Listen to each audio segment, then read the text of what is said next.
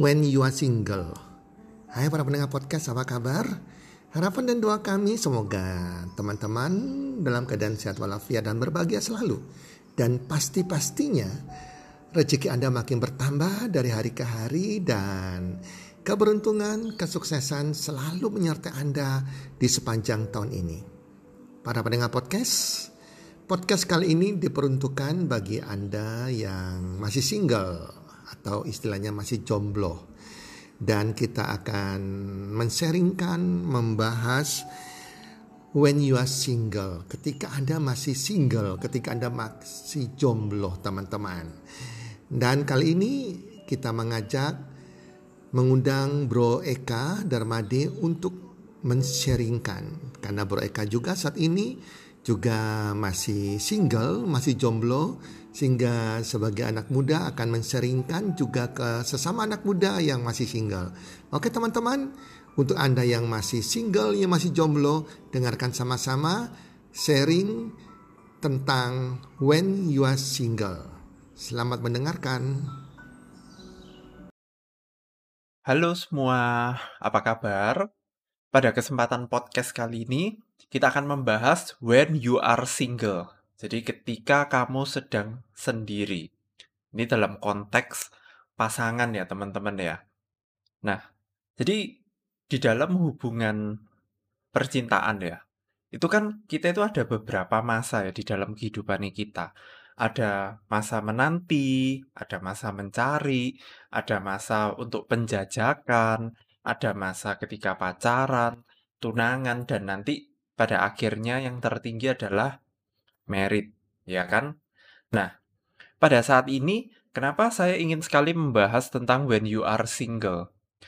Karena pada saat ini, ya kan, kadang kita sebagai anak-anak muda, itu kadang kita ini lupa untuk menikmati setiap momen yang ada di dalam kehidupannya kita.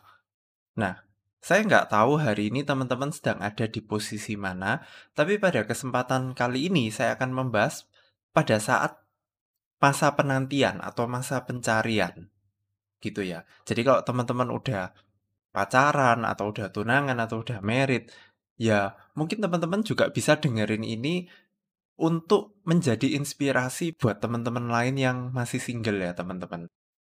Nah, oke, sekarang kita masuk ke apa yang saya ingin sharekan ya atau saya mau bahas. Nah, Sebetulnya pada masa-masa ketika kita tuh menanti, ketika kita tuh masih single, kadang kita tuh sering kali merasa bahwa temennya kita yang udah pacaran atau yang udah tunangan atau yang udah merit itu rasanya itu lebih enak daripada kehidupan kita sebagai single. Ya kan? Banyak tuh orang-orang di luar sana yang melihat bahwa hidupnya mereka ini tidak sehappy dengan teman-temannya. Nah, saya pernah baca di sebuah artikel atau buku gitu ya. Saya saya lupa tepatnya di mana. Jadi ada sebuah pertanyaan itu seperti ini, teman-teman. Kalau dari skala 1 sampai 10 saat ini ya, saat ini ya, teman-teman. Teman-teman itu hidupmu itu sebahagia atau se-exciting berapa? Dari angka 1 sampai 10 pada saat teman-teman single ini. Nah, misalnya nih, saya merasa bahwa hidupku itu exciting banget. Aku kasih nilai 8 misalnya, atau saya kasih nilai 9. Nah, cara ngukur excitingnya ini gimana? Nah, misalnya gini, ketika teman-teman lagi single nih, ya kan, teman-teman punya banyak komunitas, punya banyak circle pertemanan, teman-teman punya kegiatan ini dan itu. Intinya, hidupnya teman-teman ini penuh dengan petualangan lah bisa traveling sana sini, ya kan? Kalau hobi olahraga, ya olahraganya tiap minggu rutin, ya kan? Hobi hiking mungkin, hobi badminton, ya kan? Atau punya teman-teman yang suka kulineran. Jadi hidupnya teman-teman ini meskipun tanpa pasangan, itu sudah happy, sudah enjoy, udah fun. Bukan sendiri di kamar, nonton nonton film aja atau main game, ya kan? Nggak keluar, nggak bersosialisasi. Nah, teman-teman coba ukur deh. Seberapa excited kehidupan teman-teman saat ini di masa singlenya teman-teman. Lah, let's say sebagai contoh saya, saya kasih menilai diri saya sendiri di angka 9. Ya. Nah, di dalam artikel atau buku tersebut dikatakan bahwa ketika teman-teman udah jadian atau menampak ke relationship ya, sebetulnya teman-teman nggak bisa expect. Misalnya teman-teman punya life excitingnya itu 9, tiba-tiba begitu udah in relationship, nilainya naik jadi 10 misalnya, atau jadi 11 lah misalnya. Itu ternyata tidak demikian. Berdasarkan survei, dikatakan bahwa kalau teman-teman punya kehidupan sebelum uh, in relationship ya, itu 9. Bisa jadi kalau ketika teman-teman sudah in relationship, excitingnya bukan 9 lagi, tapi turun jadi 7. Loh, kok bisa kayak gitu? Nah, penjelasan logisnya itu seperti ini teman-teman. Ketika teman-teman itu single, ya kan? Teman-teman ini kan tidak ada yang ngelarang nih, ya kan? Teman-teman bebas, mau ketemu siapa aja bebas, mau deketin siapa aja bebas, mau liburan jalan-jalan ke mana aja bebas. Ini yang kehidupan teman-teman ini bebas. Mau mau ngechat siapa pun bebas, mau telepon siapa pun bebas. Bahkan tidak ada tuntutan harus apa ya? Harus ngapel si pasangan misalnya. Nah, itu kan belum ada gitu loh. Sedangkan ketika teman-teman in, in relationship ya kan, teman-teman sudah pasti kan nggak mungkin kan sebebas waktu teman-teman masih single. Katakan misalnya saya ini hobi banget badminton. Saya seminggu itu badminton itu bisa 2 sampai tiga kali, ya kan? Itu karena saya itu masih single. Lah kalau saya sudah ada pasangan, ya kan? Lah maka pasangan ini biasanya atau kemungkinan akan merasa bahwa loh kamu kok waktu buat aku itu kurang, kok malah kamu itu menginvestkan waktu lebih banyak di badminton. Nah, misalnya seperti itu.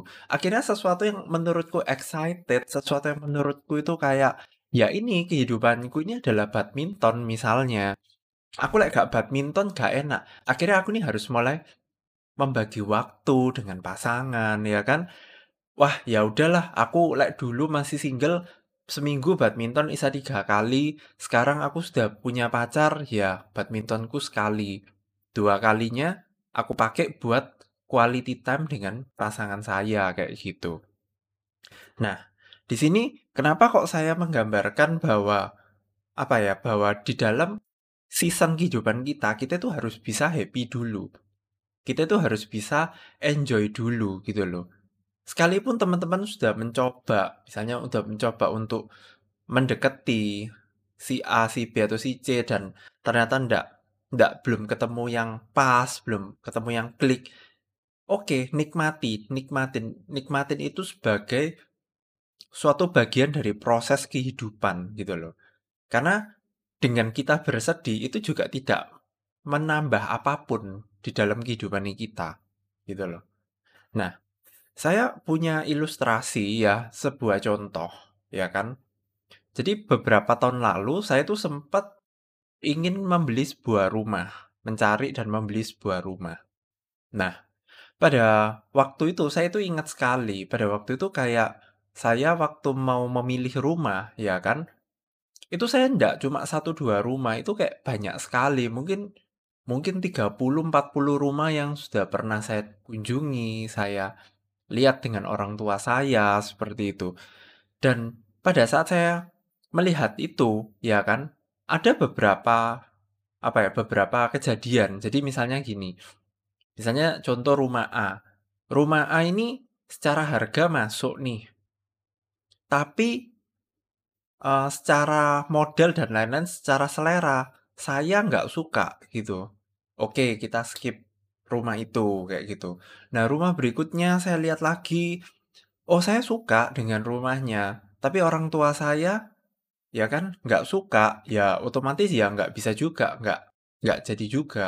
Terus rumah berikutnya lagi kita lihat, wih ternyata nih rumahnya bagus ya, ya kan? Orang tua saya ya suka, tapi secara harga, secara budget, waduh, kok budgetnya uh, terlalu tinggi ya, kita nggak apa, kita cari yang lainnya lagi deh, gitu. Ada juga yang, wah ini bagus ya, oke rumahnya, tapi lokasinya agak jauh dari pusat kota misalnya kayak gitu. Dan akhirnya ya udahlah nggak jadi wis. Jadi karena kalau misalnya terlalu jauh kan kita habis waktu di jalannya kan lumayan lumayan apa ya lumayan banyak ya gitu. Dan sempat dalam masa saya mencari rumah itu saya sendiri pun sempat merasa capek. Capek dalam arti kayak kita ini sudah lihat banyak kok belum ada yang cocok yang klop. Karena klop itu harus tiga ya kan kalau dalam mencari rumah. Saya yang akan tinggal di rumah itu harus oke ya kan orang tua saya ya kan sebagai orang yang akan membelikan ya kan itu harus oke dengan rumahnya dan yang ketiga secara budget ya kan itu juga harus oke artinya apa kalau salah satu dari ketiga hal ini tidak oke ya maka rumah itu kemungkinan nggak akan kita beli gitu loh kalau saya saya yang suka, orang tua nggak suka, ya nggak beli. Orang tua suka, saya nggak suka, saya juga tidak mau beli, ya kan? Orang tua dan saya suka, tapi budgetnya terlalu tinggi, saya pun juga tidak mau beli. Nah, pada waktu itu, intinya setelah cukup lama, kayak setahun lebih gitu, akhirnya suatu saat itu kayak ada salah satu agent yang menawarkan sebuah rumah kayak gitu loh.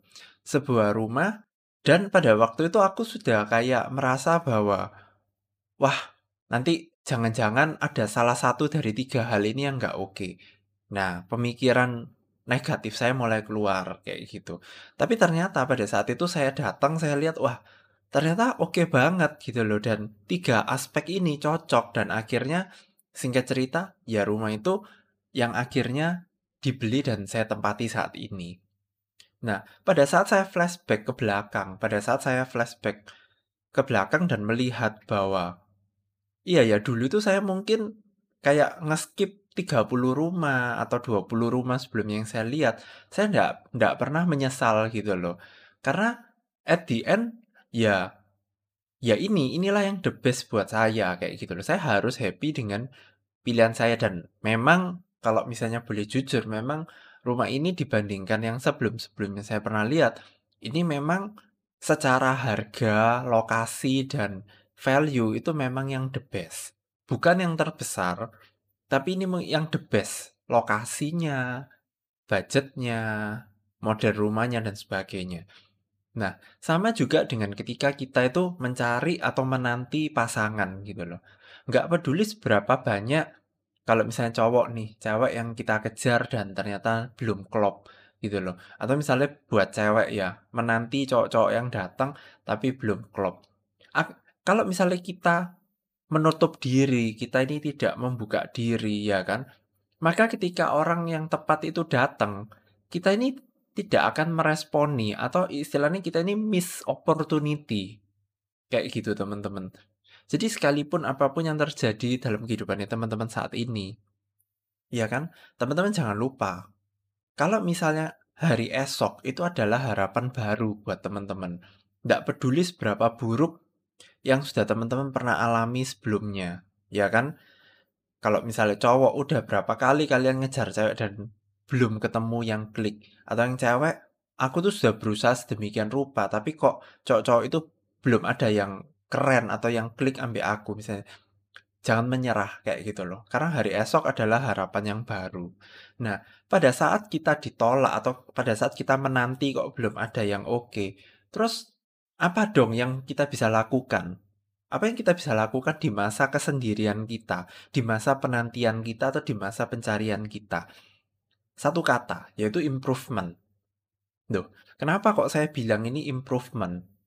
Karena saya percaya bahwa setiap kali kita melangkah, ya kan, kita mengejar, mendekati, atau berusaha membangun hubungan dengan seseorang, dan hubungan itu ternyata tidak berjalan sebagaimana mestinya, ya kan, tentu ada hal-hal yang mungkin kita kurang ini atau kurang itu. Tapi sekali lagi ya, di sini saya tidak berkata bahwa Anda harus menjadi pribadi yang sempurna, tentu tidak. Tapi minimal dari setiap hubungan ya kan, yang tidak berjalan dengan baik. Tentu kalian harus bisa melihat improvement apa yang bisa dipetik, hikmat apa yang bisa dipetik dari hubungan itu. Nah, Tujuannya apa? Ketika teman-teman tahu ada sisi lemah ini atau sesuatu yang bisa diimprove, teman-teman bisa mengupgrade itu di hubungan teman-teman yang selanjutnya. Jadi teman-teman juga akan meningkatkan value diri daripada teman-teman. Oh ternyata saya ini dulu ini orangnya kurang peka. Oke, aku akan belajar. Nanti ketika aku menjalin hubungan dengan orang yang baru, aku akan belajar untuk lebih peka, lebih sensitif, lebih bisa merasakan apa yang dia rasakan. Contoh ini, misalnya ketika saya ngajak seseorang untuk jalan, kadang saya ini terlalu banyak ngobrol misalnya. Saya kadang itu lupa nanya, kamu itu sudah makan atau belum? Atau mungkin tanya balik, kalau kamu kabarnya gimana? Nah, hal-hal yang seperti itu, ya kan, kelihatannya mungkin hal-hal yang sepele, tapi mungkin hal itu adalah hal-hal yang bisa saya improve untuk hubungan saya yang selanjutnya, gitu loh. Nah, seandainya nih ada teman-teman yang merasa bahwa, loh, buat apa saya improve? Saya kan cowok atau cewek yang mau sama saya kan harus bisa menerima apa adanya. Ya, memang pernyataan itu tidak salah. Tapi dengan teman-teman improve, ya kan, mengupgrade diri, belajar sesuatu yang baru, ya kan. Contoh nih, misalnya dulu saya orangnya nggak gampang untuk minta maaf misalnya. Tapi sekarang saya belajar untuk lebih mudah untuk minta maaf. Eh, maaf ya kalau misalnya kata-kataku tadi kurang kurang berkenan, kurang enak, misalnya seperti itu. Nah, semua improvement ini ya kan, sekali ketika kita improve something itu tidak ada yang sia-sia teman-teman. Kenapa? Karena teman-teman harus melihat ya kan, nanti dengan improvement ini saya bisa menjadi ayah yang lebih baik buat anak-anak saya. Atau misalnya wanita akan menjadi mama yang lebih baik buat anak-anaknya. Menjadi pribadi yang lebih baik buat teman-temannya. Bisa memberikan dampak yang lebih positif sama teman-teman yang lainnya ya kan? Tidak ada something yang salah dengan yang namanya improvement. Tapi teman-teman selalu pikirkan bahwa ketika teman-teman improve, mengupgrade diri, teman-teman sebetulnya melakukan itu. Itu buat anaknya teman-teman, buat pasangannya teman-teman, atau nanti bahkan buat cucunya teman-teman. Supaya apa yang menjadi legacy, menjadi warisan ini loh. Kakek nenek atau mama papa ini loh belajar ini. Ini sesuatu yang baik buat kamu gitu loh.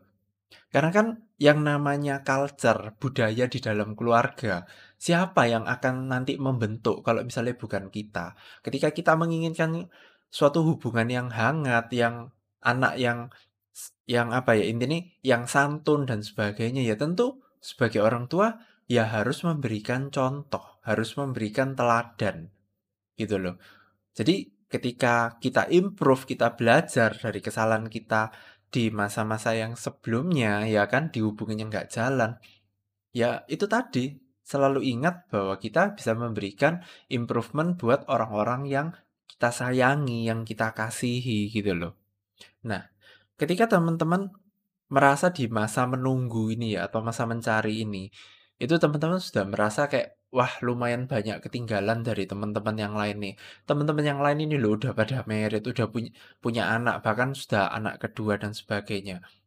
Teman-teman sekali lagi ya di dalam hubungan itu itu bukan kayak kita tuh bisnis yang bisa ditarget, ya kan? Jadi teman-teman enjoy lah, enjoy the process gitu loh. Karena saya saya yakin banget gitu loh.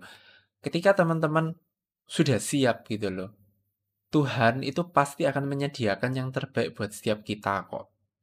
Seperti itu ya teman-teman.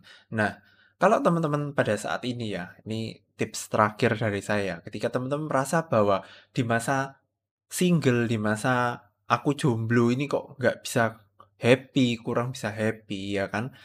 Saya mau kasih teman-teman sebuah tantangan. Tantangannya itu sederhana. Teman-teman silahkan tulis di dalam sebuah kertas ya toh 100 hal yang teman-teman syukuri dalam hidup ini, ya kan? Nah, contoh hal yang teman-teman bisa syukuri itu contohnya kayak gimana? Misalnya teman-teman uh, punya tempat tinggal, ya kan? Teman-teman tidak makanan selalu cukup, teman-teman punya teman-teman yang suportif misalnya. Teman-teman punya orang tua yang selalu baik, selalu mendukung dalam komunikasi, dalam curhat dan sebagainya. Teman-teman punya mentor, teman-teman apa ya, punya pekerjaan, teman-teman tulislah 100 hal yang teman-teman itu bisa mensyukuri gitu loh. Tujuannya apa? Tujuannya supaya teman-teman ini menyadari bahwa sekalipun di dalam kehidupan ini belum ada pasangan, tapi ternyata Tuhan itu masih baik ya di dalam kehidupan setiap kita gitu loh. Nah, dan apa ya? Tentu saya juga berdoa buat teman-teman yang saat ini mungkin masih men masa menanti atau mencari supaya segera menemukan jodoh yang tepat, yang bibit bobot bebetnya itu bisa sama gitu loh. Karena kayak buat saya ya, buat saya itu ketika memilih pasangan ya kan, salah satu faktor yang nggak bisa nggak adalah restu dari orang tua gitu loh. Karena buat saya, saya percaya kalau misalnya jodoh itu dari dari Tuhan untuk kita, pasti Tuhan itu juga akan membukakan jalan gitu loh. Pasti akan membukakan jalan minimal dari hati orang tua saya, hati orang tua dia, itu pasti akan melihat ya terbuka gitu loh. Terbuka dalam arti oke okay, saya ini cowok baik-baik atau orang tua saya melihat si wanita cewek ini adalah wanita yang baik, wanita yang rajin, yang cekatan kayak gitu loh. Dan itu buat saya itu kayak sesuatu yang penting banget gitu loh. Buat saya kayak ketika orang tua tidak merestui hubungan saya gitu ya, ya maka saya pun tidak akan melanjutkan gitu loh teman-teman. Karena buat saya itu adalah hal yang penting banget gitu loh. Karena tanpa restu dari orang tua, gimana caranya kita bisa membangun sebuah pernikahan yang kuat kayak gitu loh. Kalau misalnya semua dengan paksaan, dengan sembunyi-sembunyi, ya kan? Dengan ketidakterbukaan seperti itu. Dan apa ya? Dan ketika saya saya apa merekam podcast ini, memang saat ini itu memang saya sedang masa mencari ya teman-teman. Tapi yang nggak tahu lagi kalau teman-teman dengerin ini nanti nanti mungkin saya sudah apa sudah berpasangan kayak gitu loh, sudah punya pacar. Nah, atau sudah menikah bahkan. Tapi minimal dari yang saya siarkan ke teman-teman ini, saya ingin membagikan ke teman-teman ini loh, beberapa prinsip dan value yang saya miliki ketika saya ini sedang masa mencari gitu loh. Teman saya selalu bilang ketika kamu tuh masih single, kamu tuh harus sering-sering hangout. Kamu tuh ndak boleh diem mendekam di rumah itu ndak boleh. Kenalah dengan orang banyak gitu loh. Pergilah kayak gitu loh explore duniamu kayak gitu loh. Karena nanti ketika kalian itu udah udah punya pacar, udah tunangan atau udah merit, kalian itu tidak akan sebebas pada masa ketika saat ini seperti kalian pada saat single ini. So, penutup buat saya ketika teman-teman saat ini dalam masa single, ya, when you are single, please jangan lupa untuk enjoy the moment enjoy waktu-waktu sekarang gitu loh. Karena kita nggak pernah tahu, bisa jadi bulan depan kalian sudah nggak single lagi. Bisa jadi kayak tiga bulan lagi teman-teman sudah menikah. Bisa jadi enam bulan lagi teman-teman sudah punya anak pertama misalnya. So enjoy the moment, enjoy setiap momen apa pun yang teman-teman sedang alami gitu loh. Ingatlah bahwa di dalam kehidupan kita, kita tuh bisa menjadi inspirasi buat orang lain. Oke, teman-teman, sekian podcast saya hari ini. Semoga menjadi berkat dan inspirasi bagi kita semua. Terima kasih.